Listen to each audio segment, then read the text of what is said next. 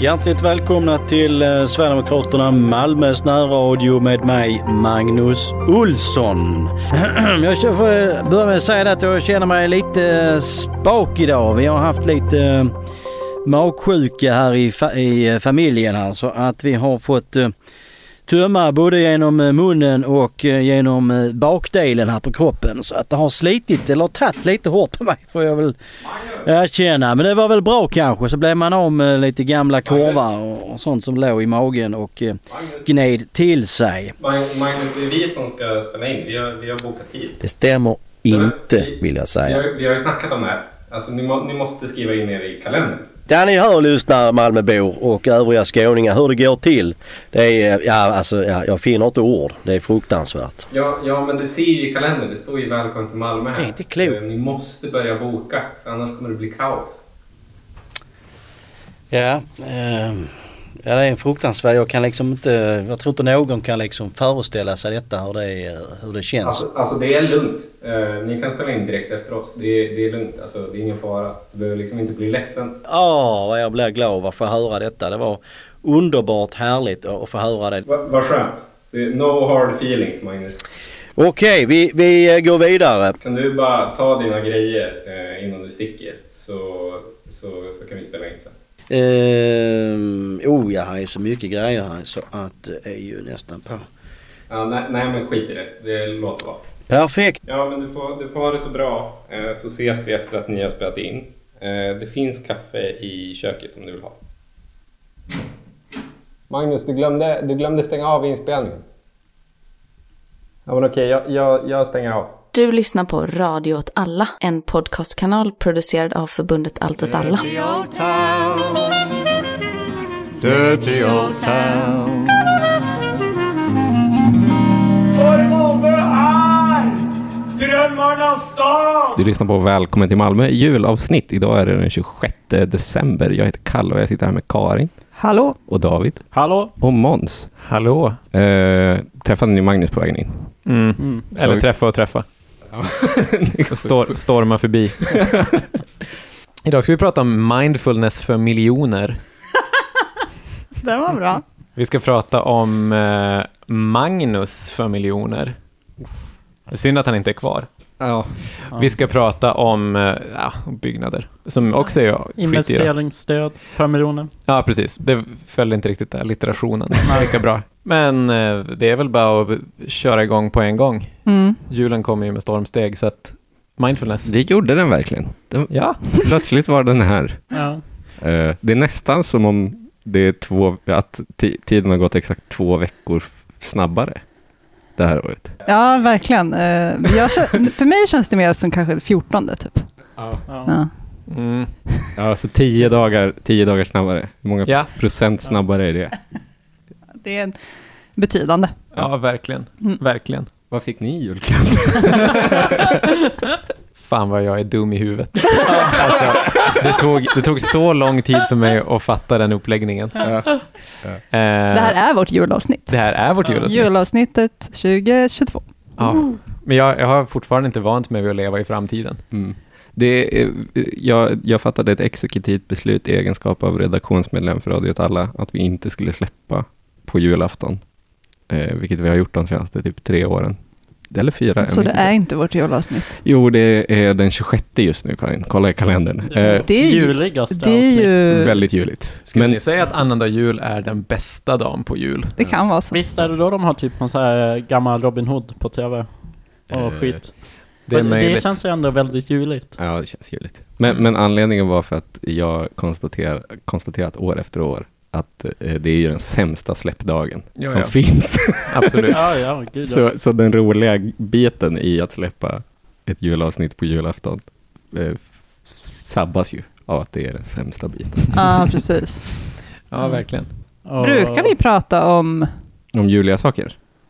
Ja, precis. Nej. Percy Nilsson till exempel. Vi, vi, vi brukar ha som grej att vi delar ut lite julklappar, vilket bara är ett, ett väldigt illa dolt sätt att beskriva att vi gör en podd med olika samtalsämnen. Ja. Så benämner vi samtalsämnena som Mm. klappar. Alltså, precis. Men nu blir det ju ändå lite jultema på det här sättet att vi ska prata mycket om kanske olika så här fastighetsmagnater. Mm. Är det det som är jultemat? Jag vet inte, Är det det det? känns lite så. Är det det juligaste vi har? Tomten är ändå... Du att... Är, Han äger ändå en stor verkstad. ja, precis. Ja, precis. Och Han måste betala en lokalhyra. Ja, just det. Och fast, jag tänkte också på att fastighetsägarna äger många stora rektangulära grejer med saker i. Mm. Ja. Människor. Och varenda, deras saker. varenda fastighet har en skorsten. Också en julig, julig del av ett hus. Ja, Det är sant, faktiskt. Okej, ja, vi går vidare. Jag läste en rolig nyhet om eh, Malmöbaserade affärsmannen Greg Dingisian Mm. idag i Sydsvenskan. Måns har redan hintat lite om innehållet, men jag tänker att vi håller lite på det. För att jag kände så här när jag läste den här rubriken. Greg Dingisian. Det är som att han har jäckat den här podden Ja. och våra liv. Det, är också, det är lite roligt för att det är ju att han har, upp, han har liksom trätt fram i sammanhang där han är den tråkiga. Där det finns Ja. andra roligare gestalter att prata om, typ Mm. Percy Nilsson.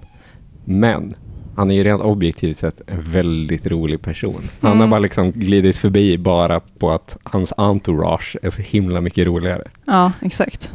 Och som att man har hört, alltså så varje gång eh, någon eh, nämner liksom en eh, fastighetsbaron i Malmö, ehm, då blir jag liksom, eftersom jag är också ganska dålig på namn, men det är som att Greg Dingisian kommer alltid upp och så är man så, nej men vänta, var det han som eh, ägde det här eh, tandföretaget? Eller nej, vänta, var det han som eh, eh, startade en, en vegetarisk snabbmatsrestaurangkedja på 90-talet? Och så kom alla de här berättelserna liksom. Eh, och så blir man lite osäker, så bara, vänta, var det Greg Dingisian? Eller blandade ihop honom med någon annan, för att man bara får sådana här brottstycken från Greg Dingisians liv, liksom, lite, lite hela tiden. Det Och sen visar det sig att det är alltid Greg Dingisian. det är liksom han. Det är han som rör sig i bakgrunden hela tiden. Liksom. Så att eh, för att eh, råda bot på det här så tänker jag att vi går igenom och gör en biografi. Mm. Vi målar upp berättelsen om Greg Dingisians eh, liv. Kan vi kalla det för idag. en julbiografi? Mm. En jul eh, saga. Jag, jag tycker det låter så. Eh, Det kanske är det, för jag vet inte riktigt vad den här berättelsen, vad den liksom landar i, eller vad som är um, sensmoralen, eller vad som är det definierande för liksom Greg Dingisians livsberättelse. Men jag, jag tänker att jag går igenom händelse för händelse, och sen får ni kanske Öppna den sista luckan. ja, I och knyta kalendern. ihop julklappspåsen. Det här, blir som, det här kommer vara som eh, Bamse-julkalendrarna när jag var liten, som kom med Bamse-tidningen, som alltid hade antingen 25 eller 26 luckor, Oj. Ah. till skillnad från den vanliga torftiga 24 sossekalendern som gick på Varför, TV. varför hade de det? För att, jag vet inte. Eh, Den här berättelsen om Greg Dingisian eh, börjar i slutet av 80-talet.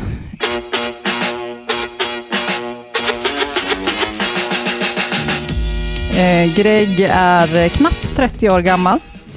Han har eh, gjort ett antal lyckosamma aktieaffärer och lever sin dröm. Jag läser nu från också en lite utdrag från en sydsvenska intervju som han gjorde tidigare år som var väldigt uttömmande. Ehm, han hade en villa, där han hade swimmingpool, han hade flera fina bilar, men plötsligt drabbades han av en inre kris.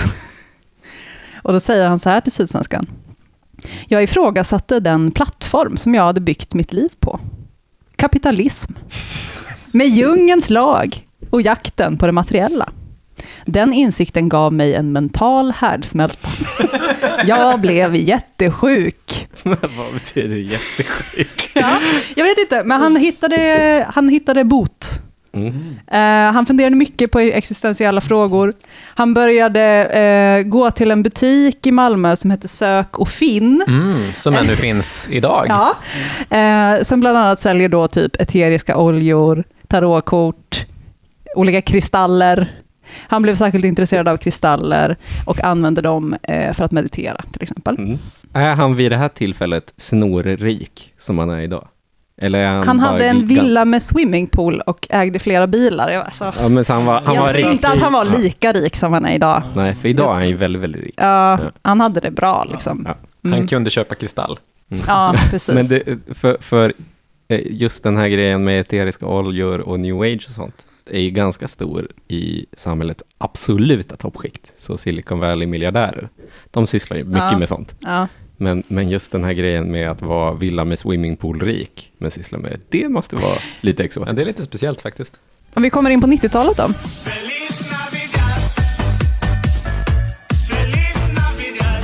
Då är ju Greg inne i fastighetsbranschen. Eh, han gör många lyckade fastighetsaffärer. Och, eh, men i slutet av 90-talet så hittar han ett nytt kall. Vegetarisk mat. Det känns inte som ett jättehopp egentligen, om man har hållit på med kristaller i en fem sex år innan dess. precis, precis. Vi har lite två parallella spår. Mm. Aktier och fastigheter, Mm. kristaller och vegetarisk mat. så. Ehm, men det är alltså vegetarisk mat i form av eh, ett nytt snabbmatsimperium som skulle heta Meaning Green. Som Oj. skulle bli liksom en stor kedja av vegetarisk snabbmatsrestauranger i hela Europa och världen. Finns det? De öppnade, jag tror att de lanserade 1997 och öppnade kanske tre restauranger eller något. De Mm. hade en i Malmö, och en i Stockholm och en i London vet jag. Jaha. Och sen kanske det blev några fler. Ehm, det gick väldigt, väldigt dåligt. Ehm, för att maten var så äcklig. Vet du det eller bara gissar du? ja, för att Sydsvenskan har skrivit, och det här vill jag också flika in, Sydsvenskan har ju ehm, äntligen fått en sökfunktion på sin hemsida. så att alla vet det. Ja. Mm.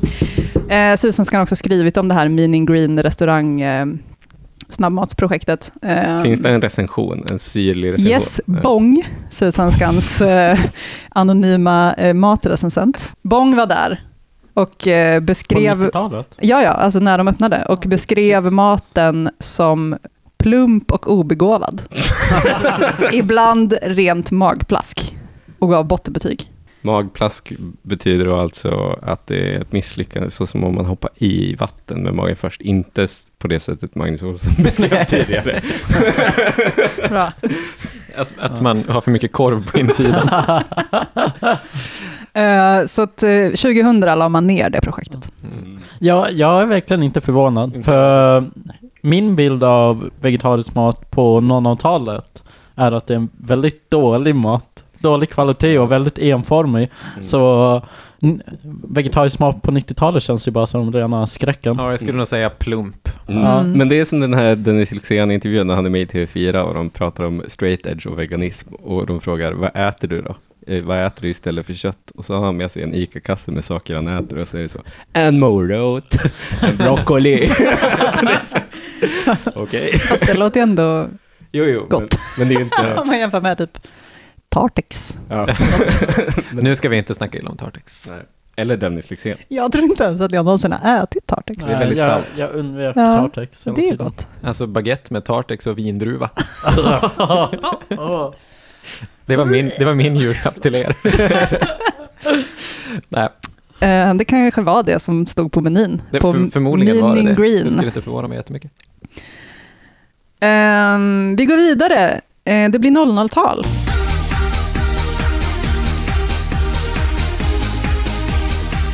Början av 00-talet var en tuff tid för Greg. För att jag tror att det här, alltså snabbmatsrestaurangkedjefiaskot, det kändes inte som att det var en så stor förlust, liksom. varken ekonomiskt eller, ja, jag vet inte. Jo, det kanske var en känslomässig förlust i och för sig. Mm. Han försökte sadla om. Men ehm, han, han eh, kom tillbaka till fastighetsbranschen. Eh, han kanske i och för sig aldrig lämnade. Men i alla fall, i början av 00-talet så blev han ju VD för HSB. Mm. Mitt under Turning Torso-debaklet. Mm. När HSB var i väldigt mycket blåsväder. Just Eh, jag kan inte de detaljerna i den historien. Men det känns ju som att Turning Torso-projektet bara hade problem efter problem efter problem. Och att de inte fick lägenheterna sålda och sådana saker. Ja. Och sen fick man omvandla allt till hyresrätter. Just det. Ja, det var ju han, han tar ju lite cred för det, att det var tanken eh, från början var att det skulle bli bostadsrätter, men att det bara inte gick. Liksom. Ja. Så då tog han det beslutet att eh, vi kör hyresrätter, hyresrätter istället, så har vi en mer stabil ekonomisk affär. Typ. Ja, ja. Var det tidigare i år som Turning Torso också hade de här helt vansinniga homofoberna Ja, som, som misshandlade sina grannar och sånt? ja, Det känns också som en del av Turning Torso-förbannelsen på något sätt. Ja, Konstigt olycksförföljt på något ja, sätt. cursed. Eh, Greg eh, var vd för HSB eh, i tre år. Mm. Och eh, sen avgick han 2005 eh, av personliga skäl. Men han sa också att den hårda mediebevakningen spelade in Mm. i hans beslut att lämna. Han, han känns ju spontant som att han är en person som inte... Eh, som sätter ett väldigt stort värde på hur han ser på det han gör. Det är Mm. jobbigt, jobbigt för honom, dels när han upptäcker att han är kapitalist. Ja. Och det är Mm. jobbigt för honom när, när media är jobbiga med honom. Mm. Att han vill liksom inte ha det yttre ögat så mycket. Nej, Nej. absolut. Han är mer ute efter det inre, tredje ögat. precis, precis. Ja. Men det måste vara sån press då när saker inte går hans väg.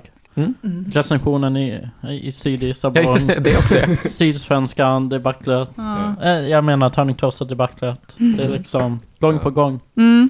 Och det, och det, eh, det pressar på, Ja. märker man. Det, Ja. det tär. Mm. Eh, för att eh, när han har lämnat HSB, då eh, går han in som medgrundare i ett fast, nytt fastighetsbolag som köper massa mark och fastigheter. Sådär. Och i Hylje, det är det här Annehem eh, som ska bygga det här tornet i Hylje. Det är också det bolaget som sen blir Victoria Park. Eh, och det är ju vid den här tiden, vi har ju dragit Victoria Park-historien många gånger, det är vid den här tiden som Victoria Park bildas med planen att man ska bygga ett livsstilsboende vid randen av kalk, det gamla kalkbrottet i Limhamn, en fantastisk plats. Eh, det beskrivs då som ett gated community, eh, vilket det kanske inte riktigt är. Fast kanske lite. Jag tror att det mycket var en del av brandingen för projektet var att folk skulle kalla det för det. Precis. Det är ändå, det är ändå f- fett. Eller är det Ja. fett? Att, eh, att det är en grej att man kallar det till community. Ja, Ja, mest för marknadsföringssyfte. men alltså att, att eh, det är liksom inte, det är inte negativt laddat. Nej. Det är väldigt märkligt på något sätt. Men är det inte? Alltså det var väl också lite som, det känns som att det var lite hate marketing också, jag tror det. faktiskt. Ja. Alltså att de så här, att de, de hade de här uh, hundvisslorna liksom, Mm. hela tiden, utan att någonsin säga att det skulle vara ett gated community, bara antyda det. Mm. Mm. Så pass, att folk blev så pass upprörda över det, så att det blev rikskänt, så att Ja. de som inte var upprörda över det skulle gilla det liksom. Ja, precis. Det För tänker var jag ju var mest logiken. andra människor som kallade det ett gate. Ja, men- ja, precis, inte de själva. precis. Liksom. Lite Men det var ju så eh, riktat till, det var ju för 55 plus Mm. människor. De hade olika anläggningar där på fastigheten och de hade någon bio och de hade säkert något Mm. gym eller sådär, gemensamma eh, utrymmen. Men det här blir för mycket för Greg. Han måste vila. Han nej. åker till Bali. Jag chillar här i sex månader. Mm. Ta det lite lugnt. Han blir kvar i tre år. Och det som, och så beskriver han själv så här, att det som skulle vara liksom en semester, en stund att slappna av, det ledde också till tankar om en förändrad livsstil. Bra. och vad ska det här mynna ut i? Jo, han kommer hem till Sverige. Ehm, Victoria Park har väl byggt sitt seniorboende, ehm, men han får en ny idé. En förändrad mm, affärsplan. Eh, så 2012 så köper Victoria Park kring 850 lägenheter i Herrgården, som eh, då ägdes av någon typ norsk slumvärd. Eh, Herrgården är ett eh, område i Rosengård i Malmö, för utom Socknes lyssnare. Eh, och sen så växte Victoria Park eh, väldigt snabbt och gjorde stora fast, fastighetsförvärv i hela landet, eh, framför allt i eh, den här typen av eh, miljonprogramsområden. Mm. Ehm, Där fastigheterna är eh, slitna och ej underhållna. Mm. Så. Folk med koll brukar ju säga att det är Victoria Park som liksom gjorde, gjorde det trendigt i fastighetsbranschen att köpa stora delar av miljonprogrammen och rusta upp dem. Ja. Eh, Mm. Och sen går det väl att vara så, eh, jag gissar att Victoria Park inte var först i världen att köpa hus och renovera och hyra ut dyrare. Men jag tror att de var först i Sverige och lokalisera just möjligheterna att göra det i miljonprogrammen. Mm, Mm. Precis. Men sen, Ja, det är ju en väldigt gammal praxis. ja, Jag tror man, jag tror engelskt till och med nämner det i någon liten skrift. så, Mm, precis. så. Men det är ju ändå, jag skulle ändå säga att det här är liksom Gregs egentligen stora legacy Ja. Mm. I fastighets-Sverige.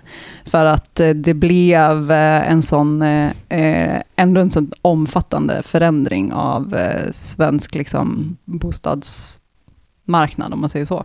Mm. Och ledde ju sen till, eh, alltså dels att det gick väldigt, väldigt bra för Victoria Park. Deras liksom, eh, bolagsvärde eller aktievärde eh, steg jättemycket. De gjorde väldigt stora, liksom, alltså de kunde öka sina fastighetsvärden väldigt, väldigt mycket med den här strategin. Ehm, kom ju sen eh, eh, ett stort intresse även för liksom, internationellt kapital att investera i svensk eh, fastighetsmarknad. När, I de här svallvågorna liksom. Mm. När, när vi spelade in det här avsnittet om just uh, insiderhärvan, Ja.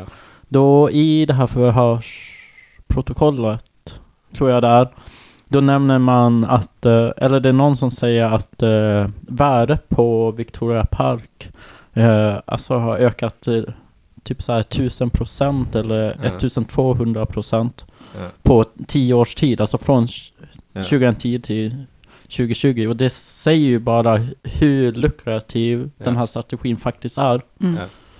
Eller vad? Eller vad? Alltså nu, ja. nu är Precis. det väl för sent. Det skulle, tror inte jag. Det, är väl- det är väl Det är det. därför Akelius har dragit. Jag tror, jag tror att jag just nu citerar Greg Dingisian förut.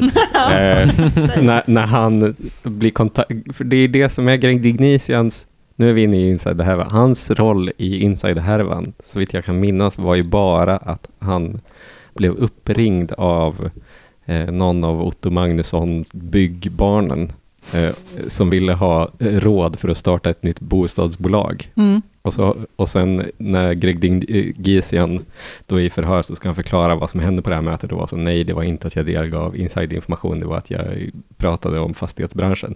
Och det- jag sa, det går inte, det är redan, vi har redan gjort det. Eh, Det Mm. går liksom inte att starta ett nytt bolag och göra samma sak. Det är alldeles för dyrt. Eftersom att det finns lite för stora fiskar i, i Ja, pölen. så liksom. kan det ju vara, liksom. absolut. För det är ju, nu är det ju stora fiskar. Mm. För att det som hände sen, som vi ju alla vet om, är ju att eh, det här eh, tyska bolaget, Vonovia, Mm. kom och eh, köpte upp Victoria Park. Eh, och de köpte ju också upp bestånd, stora bestånd i Stockholm, alltså de är ju Sveriges största fastighetsägare nu. Liksom. Ehm, men det, var, det är ju också för att så här, alltså, affärsidén eh, måste ju liksom hålla fortfarande. För att det Ja. var ju den de köpte. Att så här, för att ehm, de som ägde, de som de köpte av i Stockholm var ju ett amerikanskt eh, investmentbolag som hette Blackstone. De, gjorde ju, de hade ju precis den här samma, samma affärsplan som Victoria Park hade och de gjorde de här eh, standardhöjande renoveringarna. Eh, Eh, och som vi vet så bygger ju, alltså att den här eh, praktiken ska funka bygger ju också på att vi, ja men det var ju typ från kanske eh, 2010 då Greg liksom gav sig in i, den här, i det här projektet, så, så har vi ju en stark liksom, överefterfrågan på bostäder, eller bostadsbrist, mm. i storstadsområdena, som gör att, kombinerat med ett hyressättningssystem som, som i princip garanterar att du kan höja hyran med en ganska, i, i, regel, hög lönsamhet för att Mm. göra investeringar i standardhöjande renoveringar, så har du ju liksom en perfekt storm för att, och, och de förhållandena ligger ju kvar. Liksom. Ja. Och det finns, och fortfarande stora delar av beståndet, mig veterligen, i, eh, som, som inte, fortfarande inte är renoverat. Så att Vonovia köper ju en färdig affärsplan som bara är att liksom rulla igång. Så. Mm. Och många av de här företagen, redo, alltså i deras årsredovisning, så redovisar de ju hur stor andel av deras bestånd in, som inte är renoverat. För det visar liksom eh, lönsamheten, alltså den framtida Ja. möjligheterna att höja hyror. Mm. Eh, Ekonomiska potentialen. ja. Precis. Och, Och det var ju, det är liksom, eh, nu överdriver vi, men det är Gregs, eh, Greg, ja precis. Det är ju Mannen. Gregs legacy. ja. Ja. Ja. ja, men vi kan nog ändå, det känns ändå som att vi har ganska mycket på fötterna och säga att även om någon annan skulle gjort det, om han inte gjorde det, Ja. så var han en, eh, mycket tidig spelare. Och det hade inte hänt utan tre år i Bali. Ja, jag undrar Nej. verkligen vad hände i Bali? Vad Ja. var det som gav han den här idén? Bara att han började syssla med småskaligt hantverk och förstod eh, hur bra saker kan bli när man rustar upp dem. Ja, just det. Han tog en pinne som han inte kunde sälja för något. Och sen installerade han en handdukstork. Ja, som stack ut ur pinnen. Och varmt blev det. Och kaklade pinnen gjorde han. La på sig en pissdålig parkett på pinnen. Till, till slut så var det, jag vet inte, det såg ut som någon slags tortyrredskap med väldigt oslitstarka Mm. ytskikt. Men den kunde sälja den mycket dyrare. Ja, Japp. men han blev, fram, behövde ju också belåna sig extremt mycket på att göra den här pinnen. Men eftersom att eh, eh, långivarna såg att det här kommer bli lönsamt över en viss horisont så är vi beredda att låna ut de pengarna. Precis. För det är ju det som är den stora grejen. Det är, Greggen. det, det, det är det som är den stora grejen med Victoria Mm. Park-modellen. är ju att man eh, eh, eh, genom att göra det på en så stor skala och göra det så metodiskt så får du också mycket mer eh, utrymme att göra det. Om du bara är en fastighetsägare som gör det lite ibland och lite här och där så blir det ganska dyrt för att det kostar rätt mycket att renovera en lägenhet. Eh, det går liksom inte att bara göra det med eget liksom, eh, likvida, egna likvida medel, liksom, utan du måste nästan alltid låna. Mm. Men om du då eh, kan visa, vi har den här ekonomiska potentialen, eh, vi jobbar på den här enorma skalan, så över en viss horisont så kommer det bli lönsamt. Mm. Då får du pengar bara. Mm, precis. Ja, och det var väl det som hände. Ja. Fall. Så de använder, de använder liksom sitt, eh, sitt bestånd som en liksom säkerhet på ett sätt man Mm. kanske innan Victoria Park inte gjorde lika mycket. Ja, precis. Det blir mer utav liksom, alltså den finansiella delen av verksamheten blir liksom viktigare i bolagets, Ja. alltså för bolagets eh, värde eller för Mm. bolagets verksamhet generellt så är det liksom eh, den finansiella planen liksom, för aktieägarna blir väldigt betydelsefull och möjligheten att kunna få bra lån för att kunna fortsätta investera, för att kunna fortsätta eh, expandera bolaget. Vad gör, men vad gör Greg Dingisian idag? Ja! För, för, för sist vi hörde från honom var ju när Victoria Park hade sålt till Vonovia. Och då hade ju han eh, sålt för tidigt, så han fick ju inte ta del av de riktigt stora pengarna 2018. Mm. Just det. Ut- Utan han tjänade ju bara 800 miljoner. Ja, precis. Han uppskattar själv att det i runda slängar 800 miljoner genom sina Vad privata... betyder runda slängar? Eh, Vad betyder 800 miljoner? Det är så mycket pengar! det var någonting jag där, ja. Eh, I ren vinst då, i hans privata bolag. Eh, så, på den här försäljningen. Eh, och i den här intervjun i Sydsvenskan från tidigare i år, så skriver de så här, trots förtjänsten på 800 miljoner, kände han ingen större tillfredsställelse när affären var påskriven och klar. Och så säger han själv, för mig har det handlat om att inse vad meningen med livet är. Svaret är livet självt. Målet är vägen. Och att vara nöjd med det man har. Vilken jävla så TED-talk-människa han är.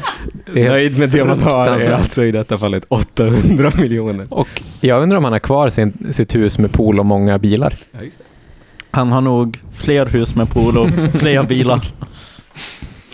Um, så idag, um, det här var ju 2018 då som eh, Bonovia köpte Victoria Park. Uh, Greg Dingisian är fortfarande aktiv i fastighetsbranschen. Han äger ett fastighetsbolag som jag tror framför allt håller på med så här logistikfastigheter. Han äger ju också, um, eller han har eh, delägare i ett bolag som håller på med tandvårdsprodukter. Typ. Doxa. Det är, de Ja. som, är inte det de som numera äger Malmö Arena? Precis, Ja. det var det jag skulle Ja, komma det är det till. Vi har pratat om det här tidigare. Det är någon typ av bolag, alltså han, han äger ett bolag som gör typ lim till tandproteser. Och det bolaget behövde liksom lägga om sina investeringar lite. För att jag vet inte hur det där funkar. Och de bara, kanske med Greg i spetsen, var så här, vi måste ju investera i fastighetsbranschen. Så, så då eh, köpte de Malmö Arena, Ja. fastigheten. Men har han inte köpt Sök och Finn också? Är inte det en del av berättelsen? Precis, det är en del av det är nästa händelse i berättelsen. Fast det här var sex år sedan. Sök och finn, som vi nämnde, den här butiken i Malmö som säljer tarotkort och eteriska oljor och kristaller, eh, där Greg har varit stamkund i, i flera decennier. Den köpte han då för sex år sedan, så nu äger han den butiken. Och han ser fram emot att starta nya butiker också i Stockholm och Göteborg. Kanske under det här året. Eller så har han redan gjort det, jag vet inte. Hur ser mötet ut när han går fram till kassan och ska köpa butiken? Ja. Är- Har han så lite flörtig stil? Antagligen. Precis, han konstaterar ju att eh, förs- butiksförsäljningen av eh, kristaller och sånt har ökat väldigt mycket under pandemin. Eh, och det är framförallt ungdomar som köper. Men det är verkligen ödets ironi att, eh, att Greg Dingisian eh, är en early adapter av liksom flum. Och sen, sen kommer marknaden ikapp honom. Liksom. Mm. Mm. Ja, och att han, att han är en adapter av flum för att undvika marknaden. exakt. Men den fortsätter att snärja honom. Ja, han är som en narkoman. Liksom. Exakt.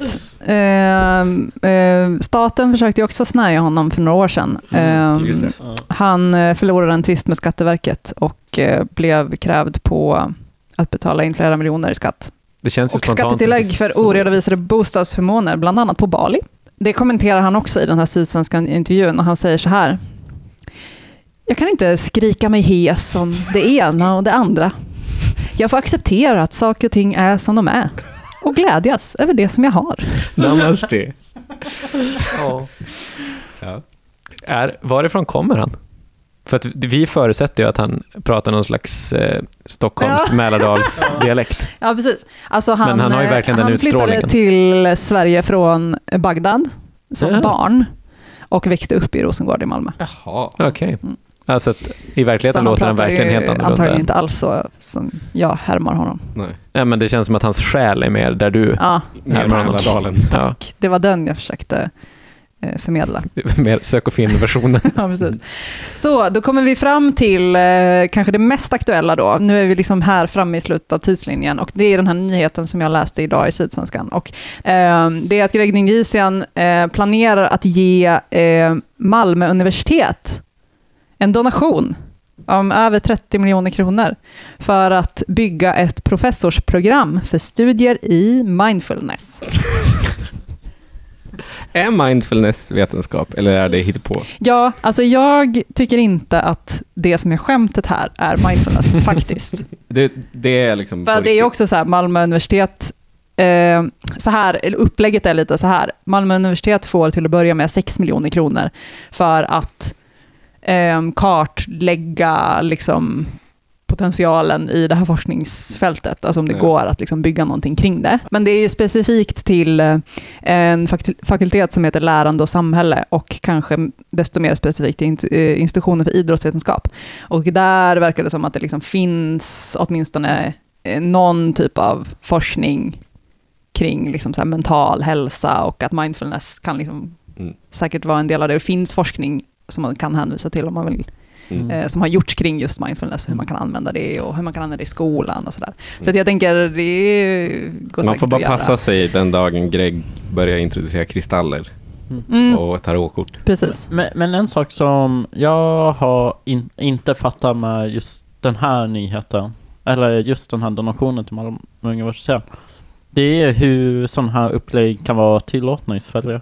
Det är väldigt konstigt faktiskt. För, för universiteten är ju st- statliga, de, och de är väl myndigheter, eller en de. del av en myndighet. Å andra sidan, du får ju tänka på att eh, nästan all forskningsverksamhet finansieras av bidrag från stiftelser och sånt. Jo, men jag menar, jag skulle ju inte Så kunna, om jag hade 800 miljoner, jag skulle ju inte kunna bara gå till Skatteverket och säga hej.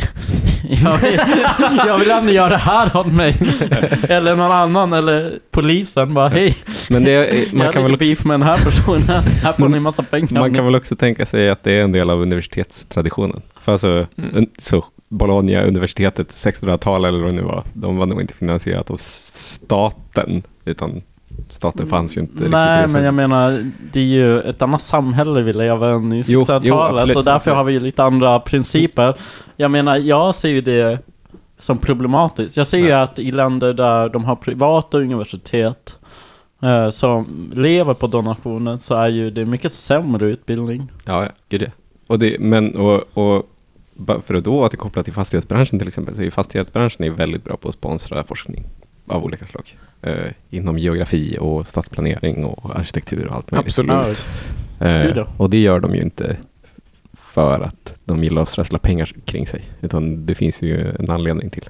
Ja, de gillar ju åtminstone, och det är ju, det är ju som vilken spons, vilket sponsorskap som helst egentligen. Mm. För det, det får man ju säga att till mindfulness-forskningens försvar, att förmodligen så säger han ju inte liksom vad man ska forska om egentligen, utan bara att det ska tillkomma ett forskningsområde som ska titta på mindfulness ur något perspektiv som folk sen själva får avgöra vad det är för någonting. Ja, jag tror det är ju att det principen och, alltså, brukar vara.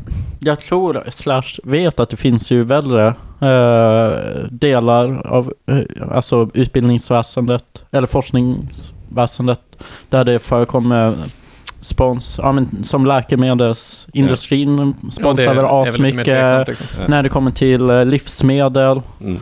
Eh, och, då, och där är det ju också mycket att det som kommer fram i den forskningen kan ju faktiskt ge fördelar för de här företagen på Det är, yt- det är ytterligare ett skäl att vara orolig för när det kommer ut i kristallerna. Exakt. Ja, men för det finns ju ett mönster i det här. Och det är att Greg eh, gillar någonting. Han försöker göra det lite som hobby, lite kul. Och sen tar speldjävulen över. Japp. Och han, gör, han blir kapitalistiskt girig, citattecken. eh, det händer med fastighetsbranschen. Det händer med eh, det här vegetarisk mat. Det händer med, vad heter det, med tarotkorten. Eh, nu är det ju bara, det är bara en tidsfråga innan Greg Dingesian kommer ut som mindfulness coach. För att han, han, liksom, han kan inte hålla sig.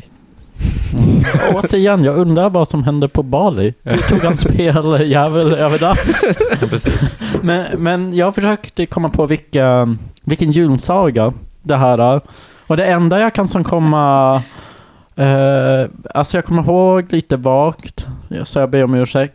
Men det finns ju den här julsagan som eh, är att eh, det är typ en äldre eh, gubbe. Scrooge. Ja. Du eh, tänker på en julsaga? En julsaga. Heter den bara en så. julsaga? Ja. Ja, okej. ja. Men då är det den. Och Jag det- tänker att det är mer Groundhog Day. Ja. Alltså att han begår samma misstag om och om igen. Ja, lite, Ja, lite så faktiskt. Eh, Och det är ju mer en allmängiltig saga. ja, Ja, fast den utspelar sig väl på julen? Eller? Nej, det är det bara, det är bara Groundhog. Day. Ja, Ja. det är bara vinter. på vintern. Ja. Ja, precis. Okej. Satan. Eh, Men, men det, det är nog lite mer då att han lär sig varje gång. Ja. För att man kan också tänka sig att han på Bali fick besök av de tre jularnas spöke. Mm, och att det var det som hände. Liksom. Ja. Jag, jag, vill, jag vill bara förresten flika in det här som jag skickade i chatten tidigare, att det här är ju inte första gången som en eh, tokig miljonär ger en massa pengar till högskoleväsendet. Utan 2003 så fick Lunds universitet massvis av pengar från en dansk margarinmagnat som var väldigt intresserad av eh, telepati och spöken för att utse en professur i parapsykologi. Eh, De utsåg en eh, amerikan, tror jag att han är, nu kommer jag inte ihåg namnet, Oh, men det, är- det, är ganska, det är ganska lätt att googla sig fram till här, eh, som var aspeppad. Han eh, sa att han tidigare i sin karriär mest hade fått ägna sig åt parapsykologi liksom som en hobby vid sidan av.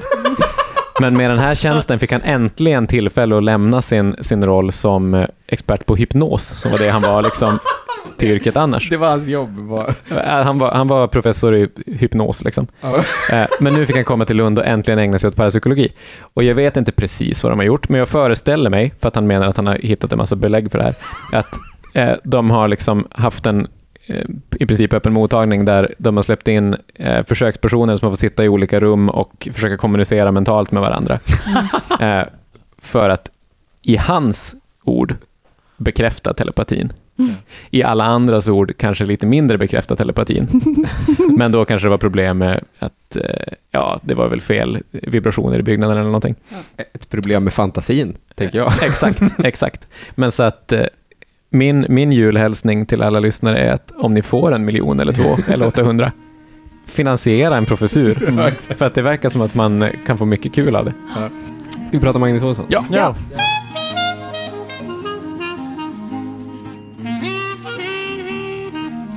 Det finns många lager att dra tillbaka i, liksom, eh, i, i fenomenet Magnus Olsson. Det finns många lager i, i podden SD Malmö att dra tillbaka också. Men jag tänker att vi kan börja med podden SD Malmö. Till att börja med. Ogooglebart namn. Dåligt, konstigt. Eller det är väl framförallt inte en podd, utan framförallt radio. Exakt, för det, det de gör, jag tror att majoriteten av deras lyssnare, jag tror att det är väldigt få som lyssnar på den här podden. Jag tror det är jag. Den absoluta majoriteten som lyssnar på det här är ju att de lyssnar via Malmökanalen. Eh, som alltså är 89,3 eller något sånt, FM-bandet i Malmö och närområdet. Eh, det är en,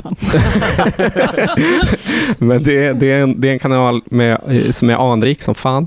Eh, Karl Pedal eh, var väldigt länge där på, på Skånepartiet räkning och spelade skivor. Eh, det är en väldigt speciell liten eh, institution. Det är också de som sänder Malmö kommunfullmäktige live på radio. Det är bara ett, ett märkligt ställe.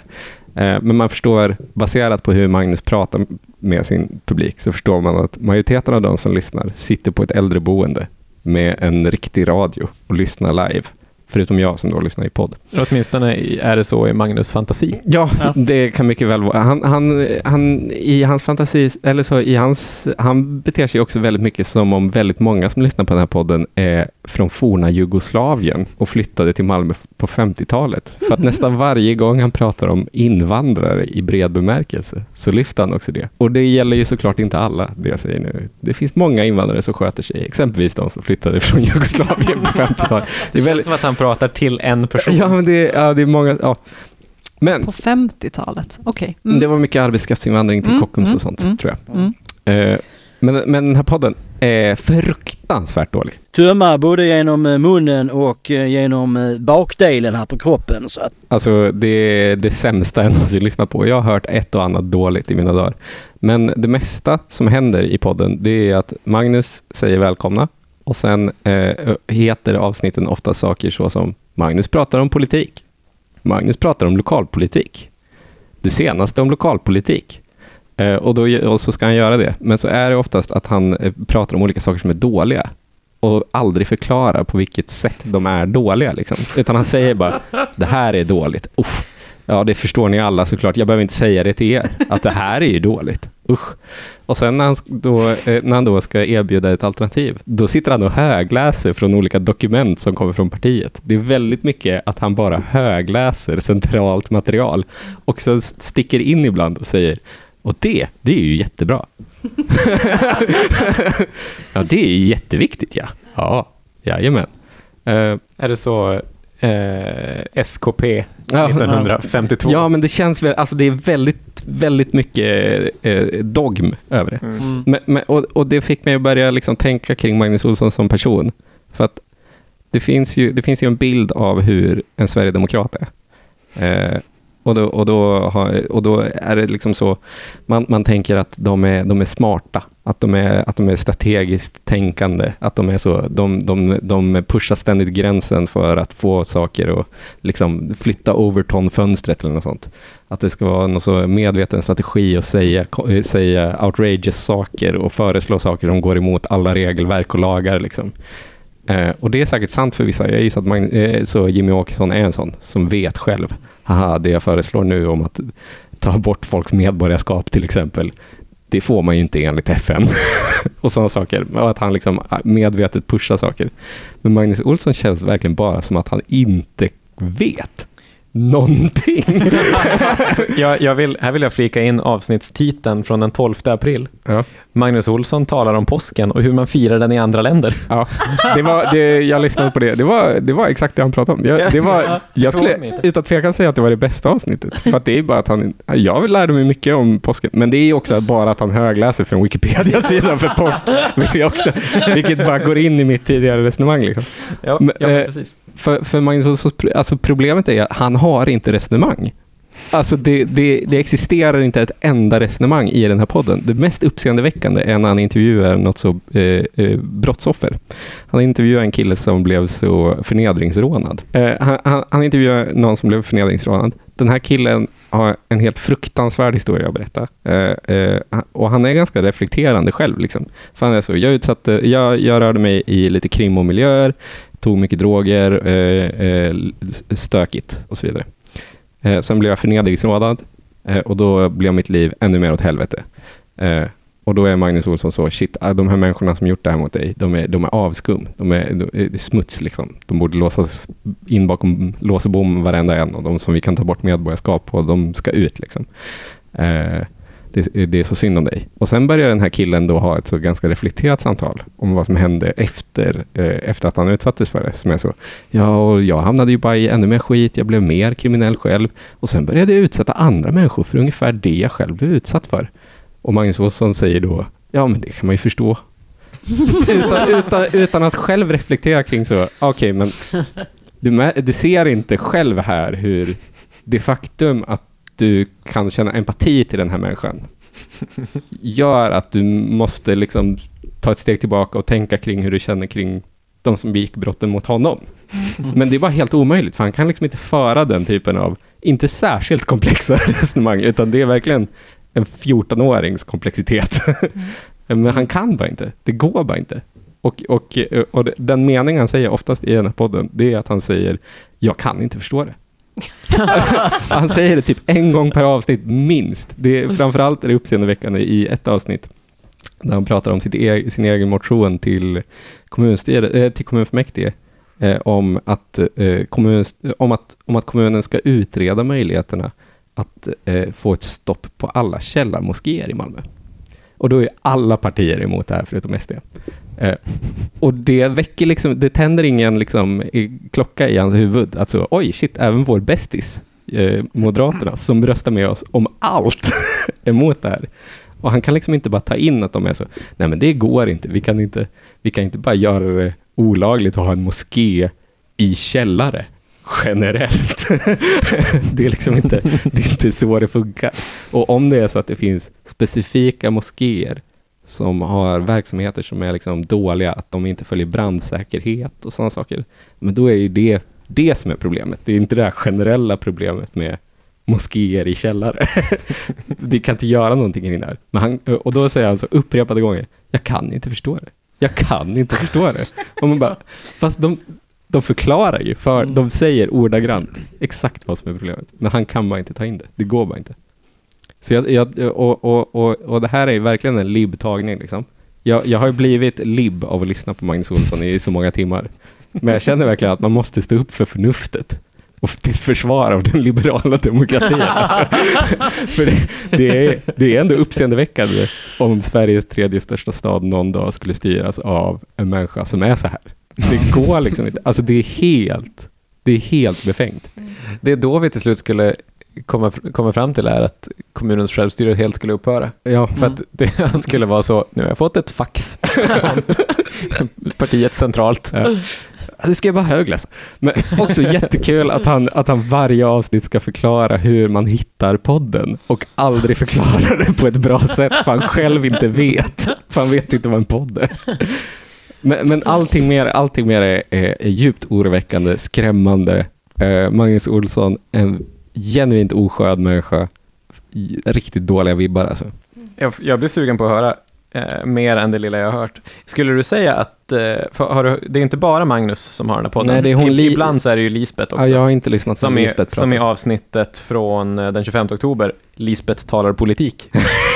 Varför heter de sådana här saker? Det, de har liksom ingen aning, de fattar inte det här med sök, sökmotorsoptimering överhuvudtaget. Eller så, det är exakt det de tänker, att Alla om, googlar bara på om, politik. om de gör, om de gör det, mest, det bästa avsnittet där man talar politik, då kommer ingen hitta någonting annat. Det är fan sant.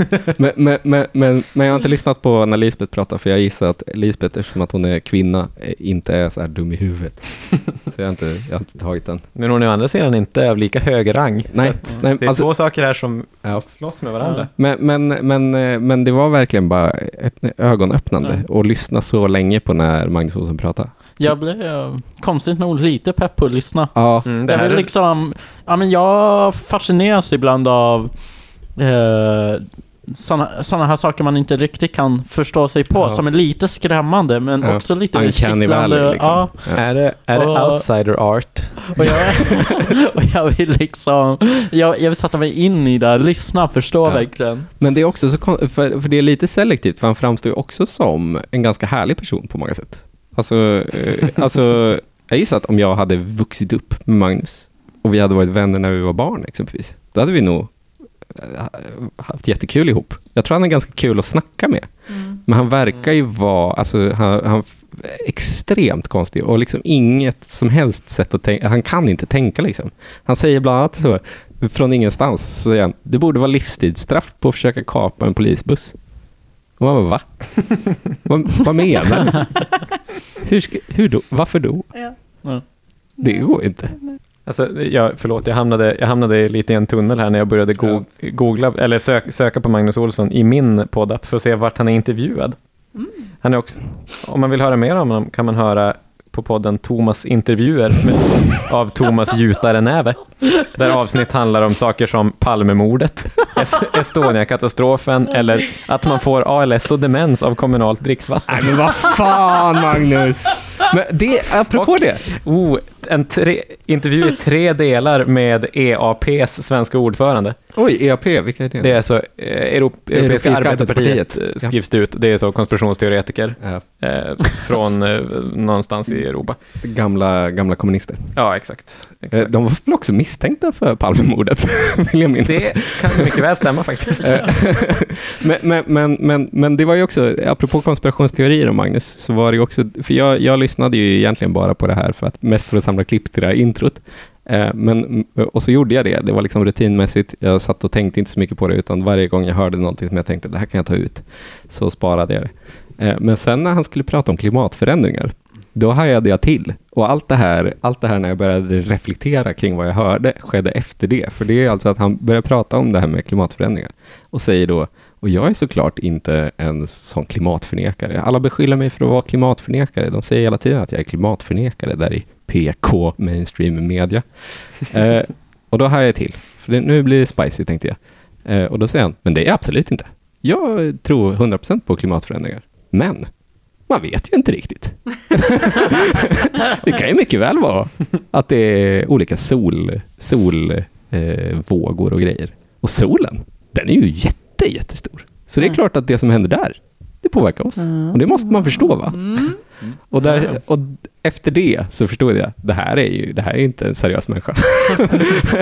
Ja, men för det där är väl, det är, det är väl också att han läser från ett papper från partiledningen i praktiken, för det är Ja. väl typ. SD-hållningen. ja. Att så här, nej men, alltså, jo men nej. Men just det, det, är Ja, bara, det är bara så ja. märkligt att säga, jag är absolut inte en klimatförnekare. Men, man vet ju inte Han riktigt. är en, han är en fritänkare. Ja, verkligen. Det är Eh, ju bara att han inte förstått vad begreppet klimatförnekare, eller om det, ja, om det ens är ett Nej, men- begrepp. nej, men han har hittat på är- ett begrepp och förstår inte vad det betyder själv. Ja, men det är väl just det som är grejen. Att, man, att, han, eh, att han känner väldigt starkt att han inte är vissa saker. Jag är absolut inte rasist. Mm. Men, Mm. Ja, den gamle. ja, jag tänkte, inte, jag tänkte inte ens på det. Men, men, men så, eh, och, och att det verkligen är så. Och det handlar bara om en brist på förmåga att, att resonera. Liksom. Han, kan, han kan bara inte, han kan liksom inte sätta ihop tan- tankar i en logisk kedja. Liksom. Det funkar bara inte. Och sen, Men också lite kanske en brist på social kompetens. För det känns som att det hänger också ihop med att man bara inte lyssnar på andra människor Ja. och vad de säger. ja, det går liksom inte. Nej, Eh, att det måste vara väldigt nära kopplat. Liksom. Ja. Mm. Men, men min, min starkaste ufo-känsla som jag fått av det här var ju när han skulle prata om skolmaten i Malmö stad, som alla barnen äter. Och då, och då, det här är i stort sett ordagrant, för jag lyssnade om det här 10-20 gånger. Men då säger han så här, ja, och det är typ veganmat. Eh, eller som vi förr skulle kalla det, vegetarisk matkost. Var det någon slags poäng han försökte göra med det? Nej, jag vet inte. och Det låter som ett avslöjande. Och det är sånt jävla ufo-grej att säga. Ja, jo. Alltså, det är typ veganmat. Vad, vad menar du? Alltså maten som barn äter, vanliga barn i Malmö, de äter inte typ veganmat. Alltså det är inte sant. Vilket vi förr i tiden kallade vegetarisk matkost. Vadå förr i tiden? Vadå matkost? Just det. Ja. Ja, det är Men det, han, han, det det, det det hette på Green eh, vägg, vad det nu hette? ja, just det. Meaning green. Ja, precis. Men, men det är bara som att han. Och, och det känns bara som att han live, eller så, att han bara spelar upp en roll av någon som har koll på saker. Och så bara avslöjar han sig hela tiden för att absolut alltså, bara vara ett ufo liksom.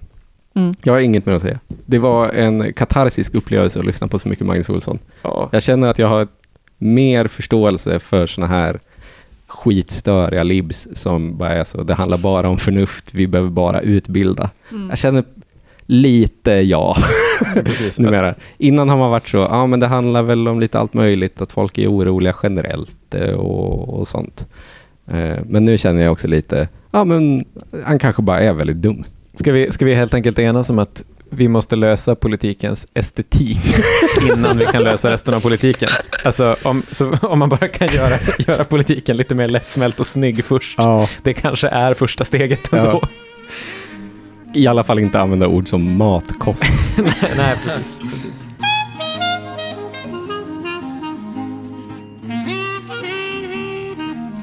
Ja, och, och jag, jag har lite press här. För nu har jag hört två jättebra historier av Karin, av Kalle och jag bara gud, det kommer vara så mycket tråkigare. Det här handlar inte om Nej. någon enskild person. Men du är garanterad pallplats i alla fall. Det är Ja. verkligen mycket lättare att prata om en ri- lite stollig människa Ja. än att prata om ett ämne. Det är därför förtal är så populärt.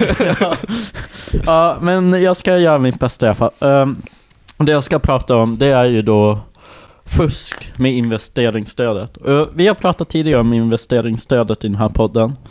Uh, vilket säger ju mycket om podd. Precis. Men investeringsstödet är, är, eller var, det finns inte längre, det var ett statligt stöd för att främja eh, energieffektiva eh, lägenheter som också hade en låg hyra. Mm. Eh, där även människor av alla typer av inkomster, alltså då inklusive socialbidrag, skulle kunna söka de här Mm. lägenheterna. Men då eh, har det kommit en, har ju eh, Sydsvenskan undersökt eh, investeringsstödet här i Malmö och eh, upptäckte att eh, MKB och Trianon, de två eh, bolag som både har byggt mest men också tagit emot mest pengar från investeringsstödet har fuskat eh, med just det här stödet. Tillsammans har eh, de två bolagen fått nära 300 miljoner kronor Mm. Eh, och MKB har byggt cirka 880 lägenheter och Trianon 390. Mm. Så mycket pengar, mycket lägenheter. Ja. De, de, de pengarna räcker ju inte till att bygga så mycket lägenheter. Men hur många procent kan man tänka sig att det har hjälpt? Än så 5 procent? Jag vet att vi ställde oss den frågan senast vi pratade om investeringsstödet till Ja. hyresbostäder.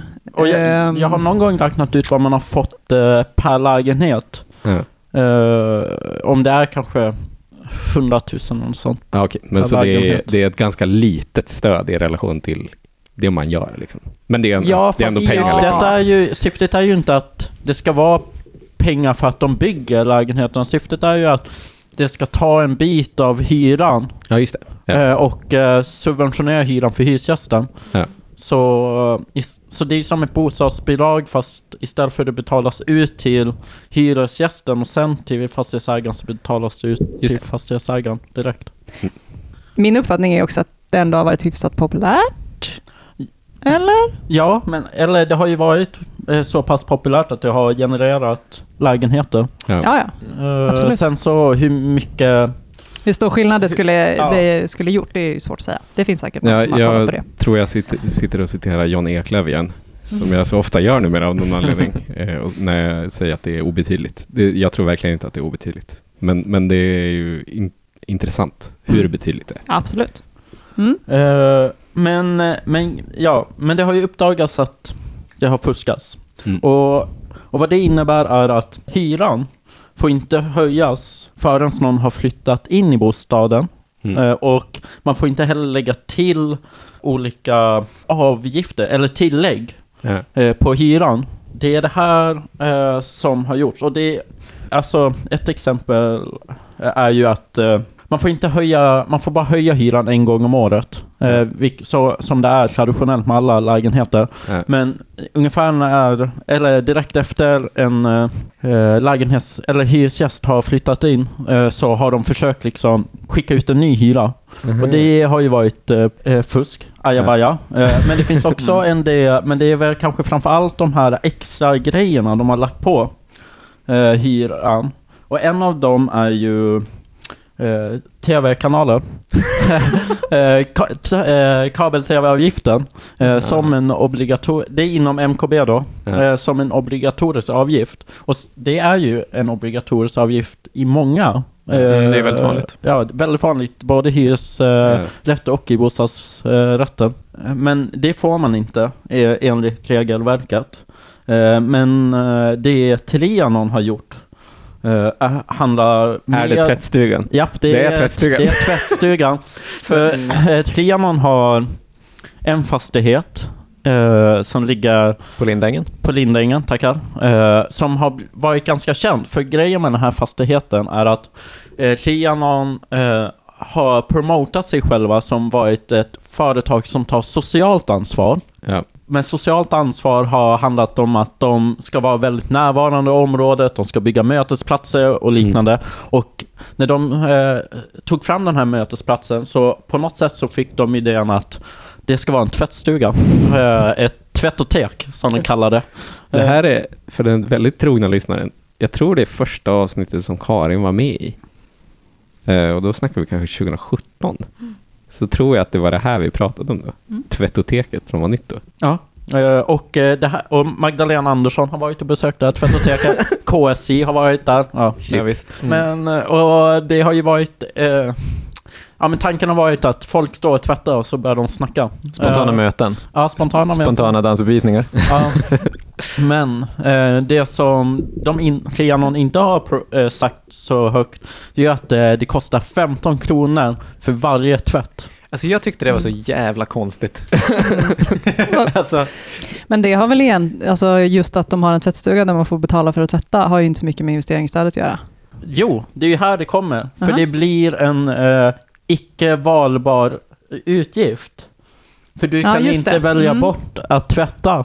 för, för, för, om, för då måste det ju vara att man eh, kan välja eh, att ha eh, tvättmaskinen till exempel i sin lägenhet. Och det går ju Ja. inte i alla lägenheter. Och om, om det hade varit så, så hade det varit standardhöjande som fan. Ja. alltså. ja. Eh, men, men de här 15 kronorna som man måste lägga för varje tvätt, vilket eh, jag menar barnfamiljer tvättar ju ganska ganska, många pengar. gånger, läggs ju i hyran Ja. eh, för varje månad. Mm. Det blir ju liksom inte heller en separat. Nej. Eh, Jag så- tänkte att man behövde ha med sig en tia och en femma jag, varje jag gång. tänkte också liksom. att det såg ut så här som i Storbritannien. ja.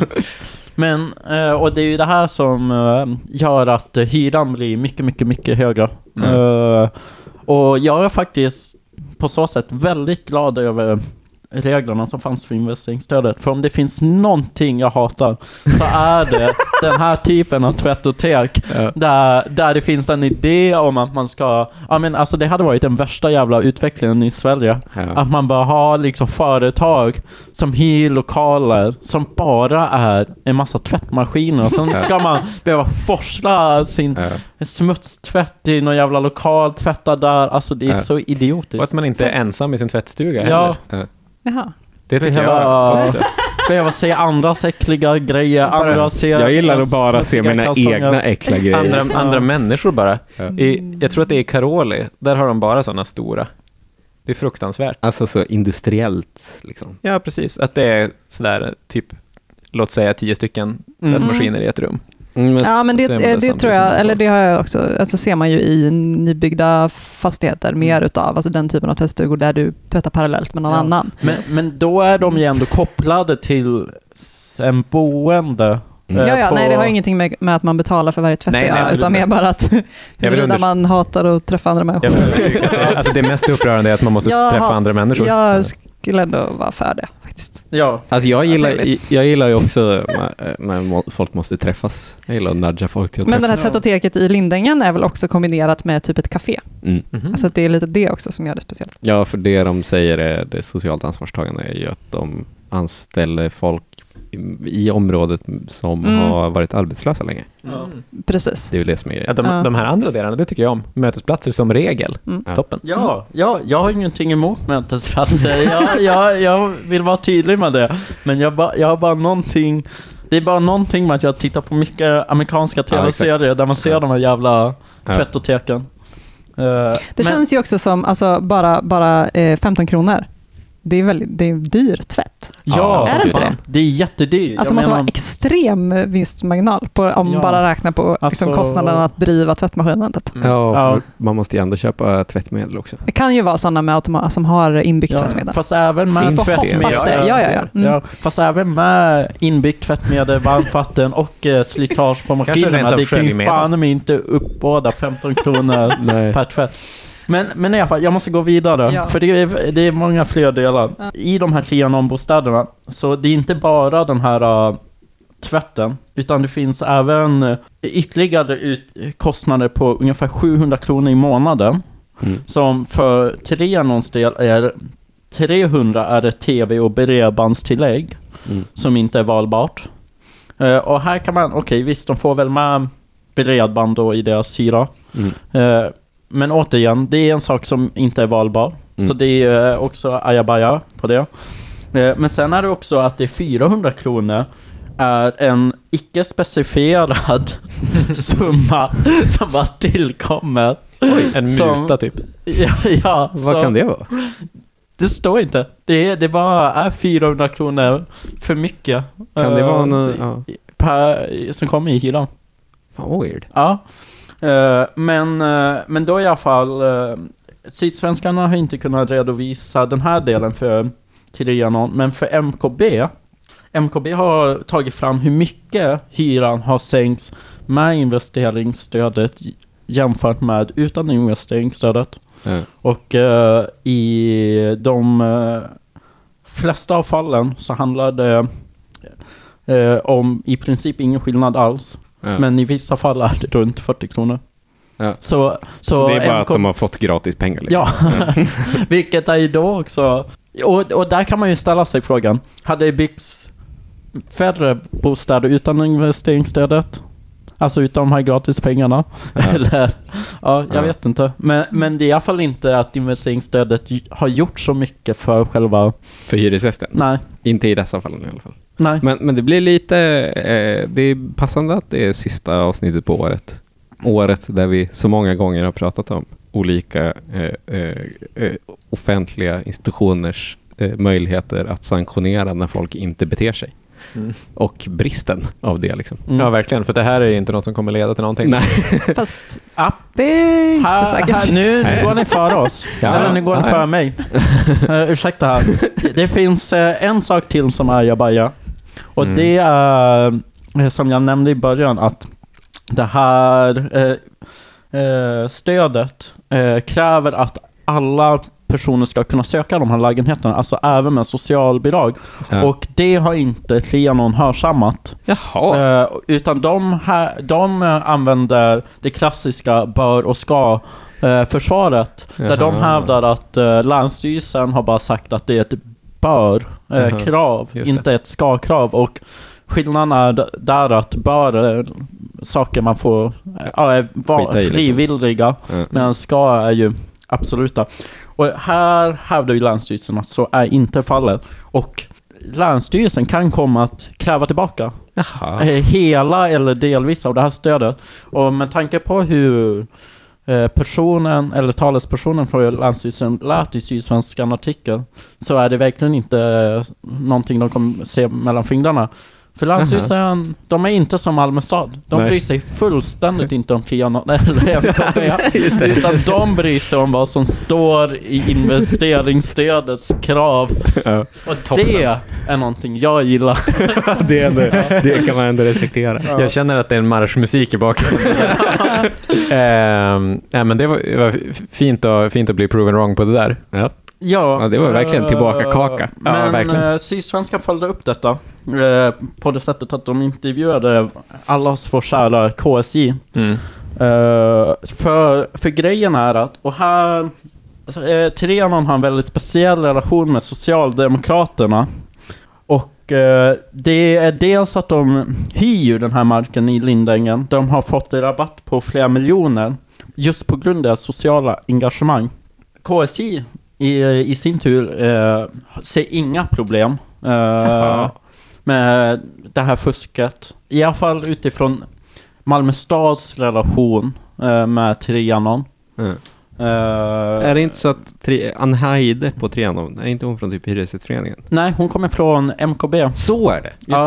det. Ja. Så, så det, det finns flera olika kopplingar mellan Malmö stad, Socialdemokraterna och Trianon. Ja. Som Eh. troligen inte är en konspiration, utan mer bara är ett myller som inte går att smita undan. Liksom. Ja, jag tror att Malmö stad är en liten stad Ja. i grund och botten och om man ska göra en karriär Ja. så är det lätt att hamna inom någon av de här tre.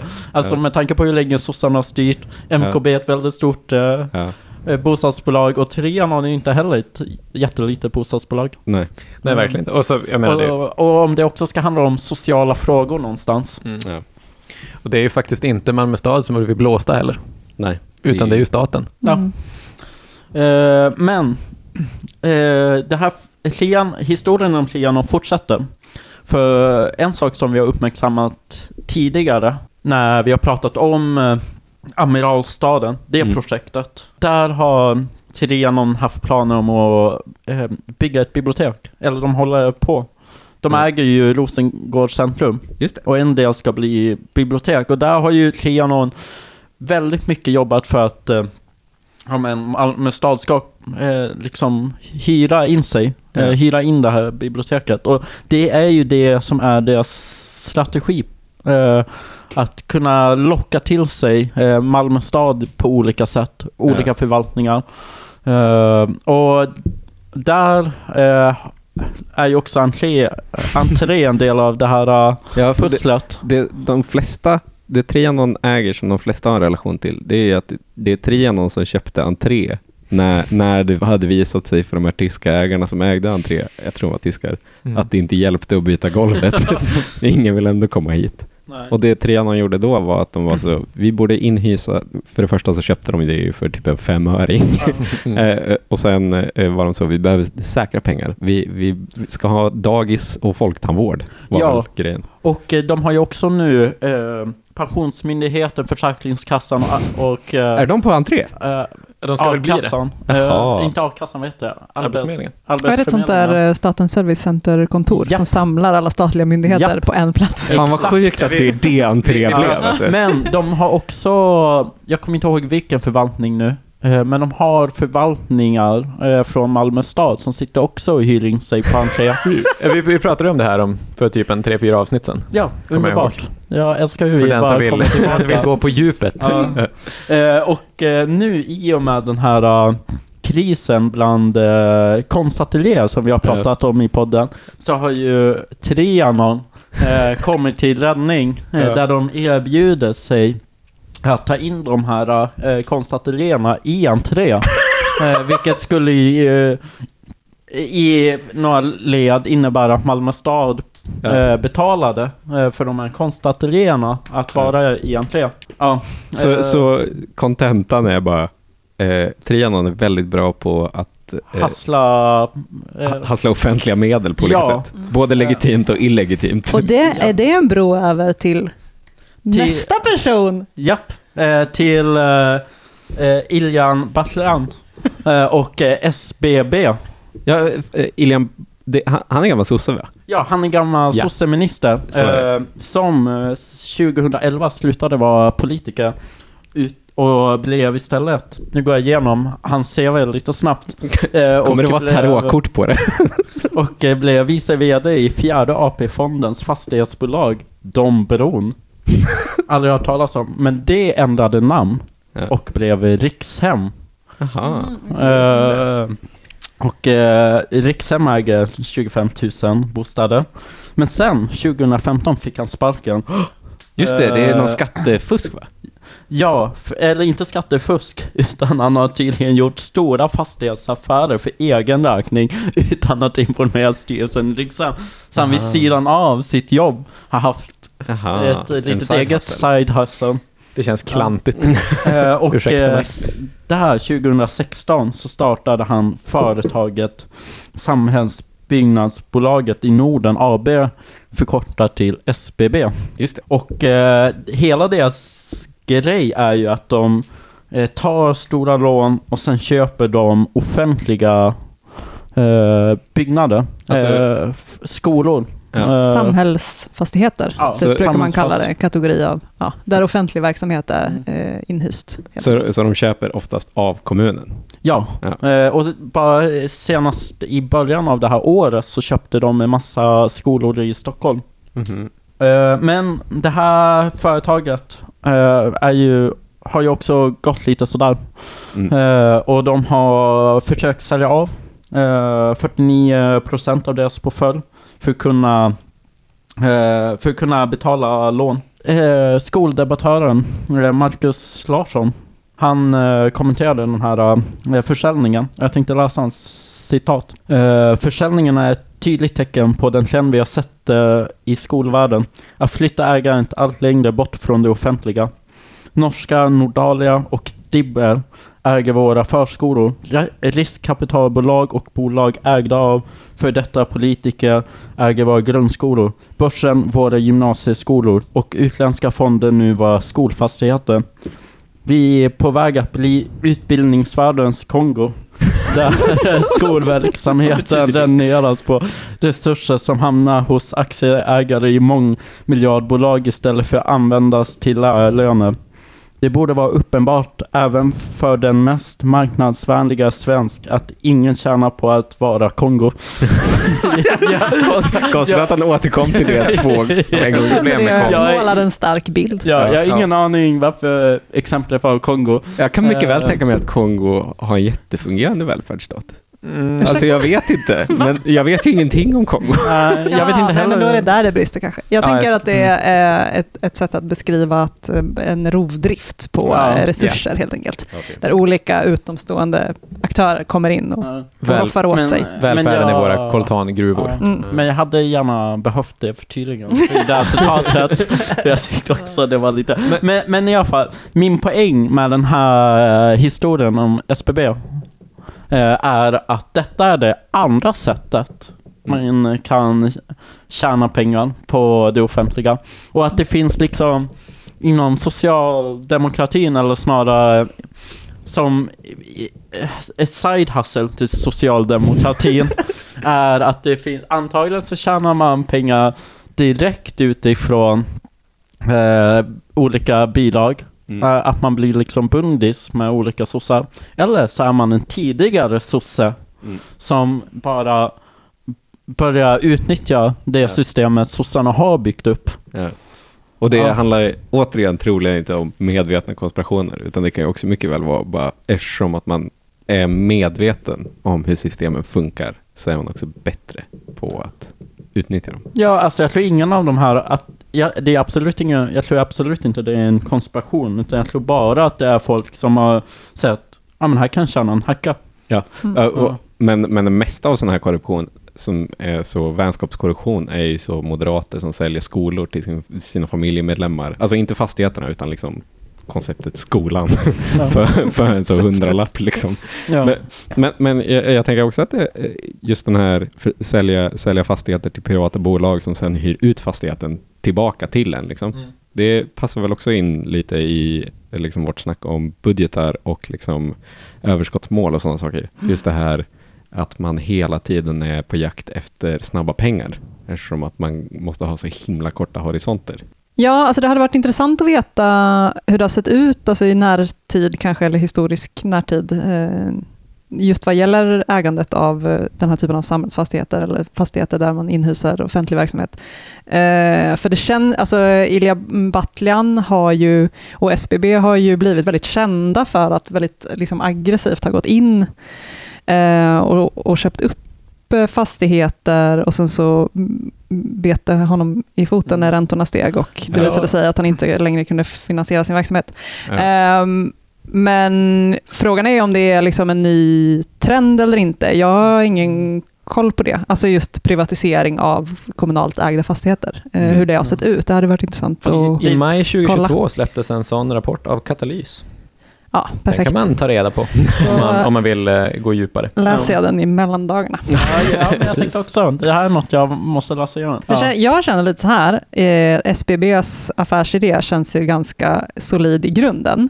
Alltså det känns Ja, ju som att det borde vara en väldigt lönsam grej att köpa upp kommunalt ägda fastigheter och sen hyra ut dem till en verksamhet som är som en, ex, en extremt trygg Precis. eh, hyresgäst. Och sen vad gäller, liksom, vi har väl nämnt det om, om lokalhyresmarknaden, att den är liksom vilda västern och man kan Mm. tänka sig att marginalen där eh, kan bli ganska hög Mm. på hyresintäkten. Liksom.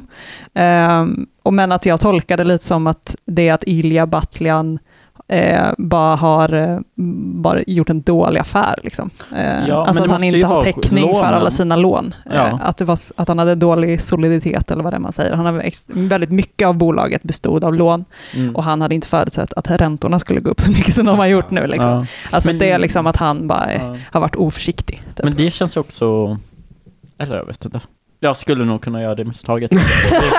Men jag bara känner så här... äh, Eh, vi kanske får anledning att återkomma till SBB och samhällsfastigheterna. Precis. Ja, alltså, Efter- Jag skulle vilja hoppa tillbaka bara jättesnabbt till det här bidragsfusket som Trianon och MKB Mm. eh, har uppenbart gjort enligt Sydsvenskans granskning. Att, eh, om det, alltså det är nästan på nivån att det här eh, att det är så hutlöst fusk. Liksom. Att jag blir lite så, kan det vara så att Sydsvenskan har fel? Ja, men det är, din, det är bara din instinkt att du alltid, att du alltid står på fastighetskapitalets sida. Ja. Ja, men det, är bara, det, är bara, det är bara för dumt. Ja, det, det är Eller verkligen är det, otroligt. bara, är det att de bara har liksom blankt inte ens tänkt tanken att någon någonsin skulle kolla? Ja, men jag liksom? gissar att det är det. Alltså. Det känns ju rätt mycket så, för det är verkligen så här pinsamt Ja. Mm. att de har kommit undan med det. För, Framför allt den här grejen med att man har, man har höjt hyran i efterhand, alltså det som du Mm. pratade om David, att när man ansöker om stödet så anmäler man, då, för att få stödet, då krävs det att man har förhandlat med Hyresgästföreningen, mm. kommit fram till vilken hyra som ska sättas, att den hyran är under en viss gräns i kronor, bestämd Mm. gräns, Mm. och så skickar man in det med sin ansökan, så vitt jag har förstått så är det så det fungerar. Ja. Och har man då en tillräckligt låg hyra, då har man uppfyllt det villkoret. Att man har gjort det och sen sätter en annan hyra. Mm. Alltså, mm, För, för, för, och också, jag undrar verkligen, vad, med Hyresgästföreningen borde ju ha bry sig om detta. Ja. ja. ja, det borde de verkligen. För de har ju Också för förhandlat att fram de- en hyra som, Ja. som eh, fastighetsägarna sen uppenbart Ja. skitit i. Så Och för att Hyresgästföreningen brinner ju för investeringsstödet.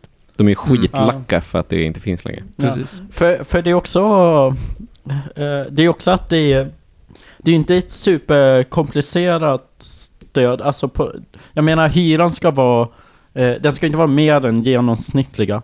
Mm. Det ska inte vara att man lägger eh, en massa icke-valbara grejer på den här hyran. Alltså det är inte som att det är raketfysik. Eh, Nej, alltså det, fin, det finns ju en, en, ett tak, liksom, ja. Och som är ett visst antal kronor. Ja, beroende på. och sen är det inte heller att det är bara random tjommar, utan det är ju två av de största fastighetsbolagen i Malmö. Ja. Och jag menar, det är MKB. Hur länge har de funnits? Jag menar, det är också så här, ni vet hur man räknar ut en hyra. Ja. Ni vet hur man gör det med Hyresgästföreningen. Ni vet att en gång om året så höjs hyra. Alltså, det, det är ju det som man bara så här... äh, Hur, varför ens försöker ni fuska? Och jag tror att det är ju delvis...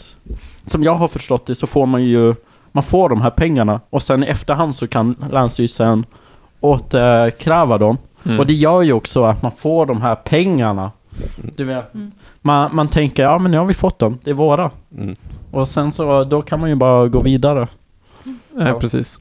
Men kan det vara så enkelt som att Hyresgästföreningen bara aldrig såg det? Alltså om det är så att, för jag vet inte hur, jag kommer inte ihåg hur lång tidshorisont det handlar om, att eh, de, de förhandlade fram en hyra, eh, den hyran visade sig sen inte vara den som stod på avin Mm. när folk Mm. flyttade in. Och de har inte eh, aktiva medlemmar som bor i huset. Alltså, Nej, så jag, jag tänker att det är precis så enkelt det är. Ja, Ja, hur många... Man måste inte förhandla med Hyresgästföreningen när man sätter den första hyran, om man har byggt ett hus. Nej men precis. så precis. kan man sätta vilken hyra man vill. Sen gäller det ju att hyresgästen efter sex månader har rätt att få hyran prövad. Precis, men det kräver ju i sin tur att du har en, en hyresgäst som Ja. är aktiv och medveten om sina rättigheter, vilket de flesta inte är. Generellt gör man inte det, nej. Eh, Så att det är också, det är också ett argument Ja. för att eh, fler borde vara aktiva medlemmar i Hyresgästföreningen. Jag tänker också att det finns en tanke bland eh, hyresgäster att den hyran man får är korrekt från början. Alltså att det aldrig, att man inte ens tänker. eh, Nej, nej, givetvis. Jag menar visst, man tänker det är en hög hyra. Men jag menar de flesta är ju vana med att det är höga hyror. Men, men de flesta, eh, eller så om du flyttar in i en lägenhet som är finansierad av ett investeringsstöd så har du ju heller ingen aning om att den är finansierad av ett investeringsstöd. Nej, exakt. Hur skulle du veta det? Och du, du har förmodligen sett en preliminär hyra i annonsen, Mm. som ju förmodligen då är den, den eh, överenskomna. Ja. Eh, och sen så får du din hyresavi och så kanske den diffar med, jag vet inte hur stora de 700 här skillnaderna. Ja, det är i och för sig ganska stort. Eh, men hur som helst, att Ja, man inte registrerar liksom. Du är glad att du har fått en, Exakt. en lägenhet, jag menar... Och vill inte hålla på och bråka. Nej. Jag vill, bara, jag vill kasta in en eh, liten faktauppgift bara. Ja. Eh, eftersom vi pratar om det där med utförsäljningar av kommunala fastigheter. Att enligt den här katalysrapporten så har omsättningen i det... Har du läst den alltså, nu? för, Den är väldigt kort, jag har läst första sidan. Eh, eh, Du är 2013, så bra på att läsa. Måns. 2013, tack så mycket. Fräcker oss alla. Det är. Jag har inte glasögon än, så att jag är ganska snabb fortfarande. Eh, 2013 så omsatte den här branschen alltså 6 miljarder. 2020 så omsatte den 32 miljarder. Så att det går rätt snabbt uppåt Mm. för den. Eh, enligt den här katalysrapportören så är marknaden idag den tredje mest säkra och lönsamma att investera på i Norden. Mm. Den svenska samhällsfastighetsmarknaden alltså. Så att eh, det är en eh, bra grej att hålla på med. Mm. Ett annat tips om man råkar få 800 miljoner över. Ja, Eller om man har, äger ett köpcenter som det går väldigt dåligt för. ja, precis. och man inte vill byta ut golvet och se om det funkar. Ja, precis. Bara inhys systembolag och folktandvårdare. Exakt, exakt. Dirty old town. Och härmed så säger jag bye bye. Det var väl bra kanske, så blev man av med lite gamla korvar och, sånt som låg i magen och eh, gned till sig.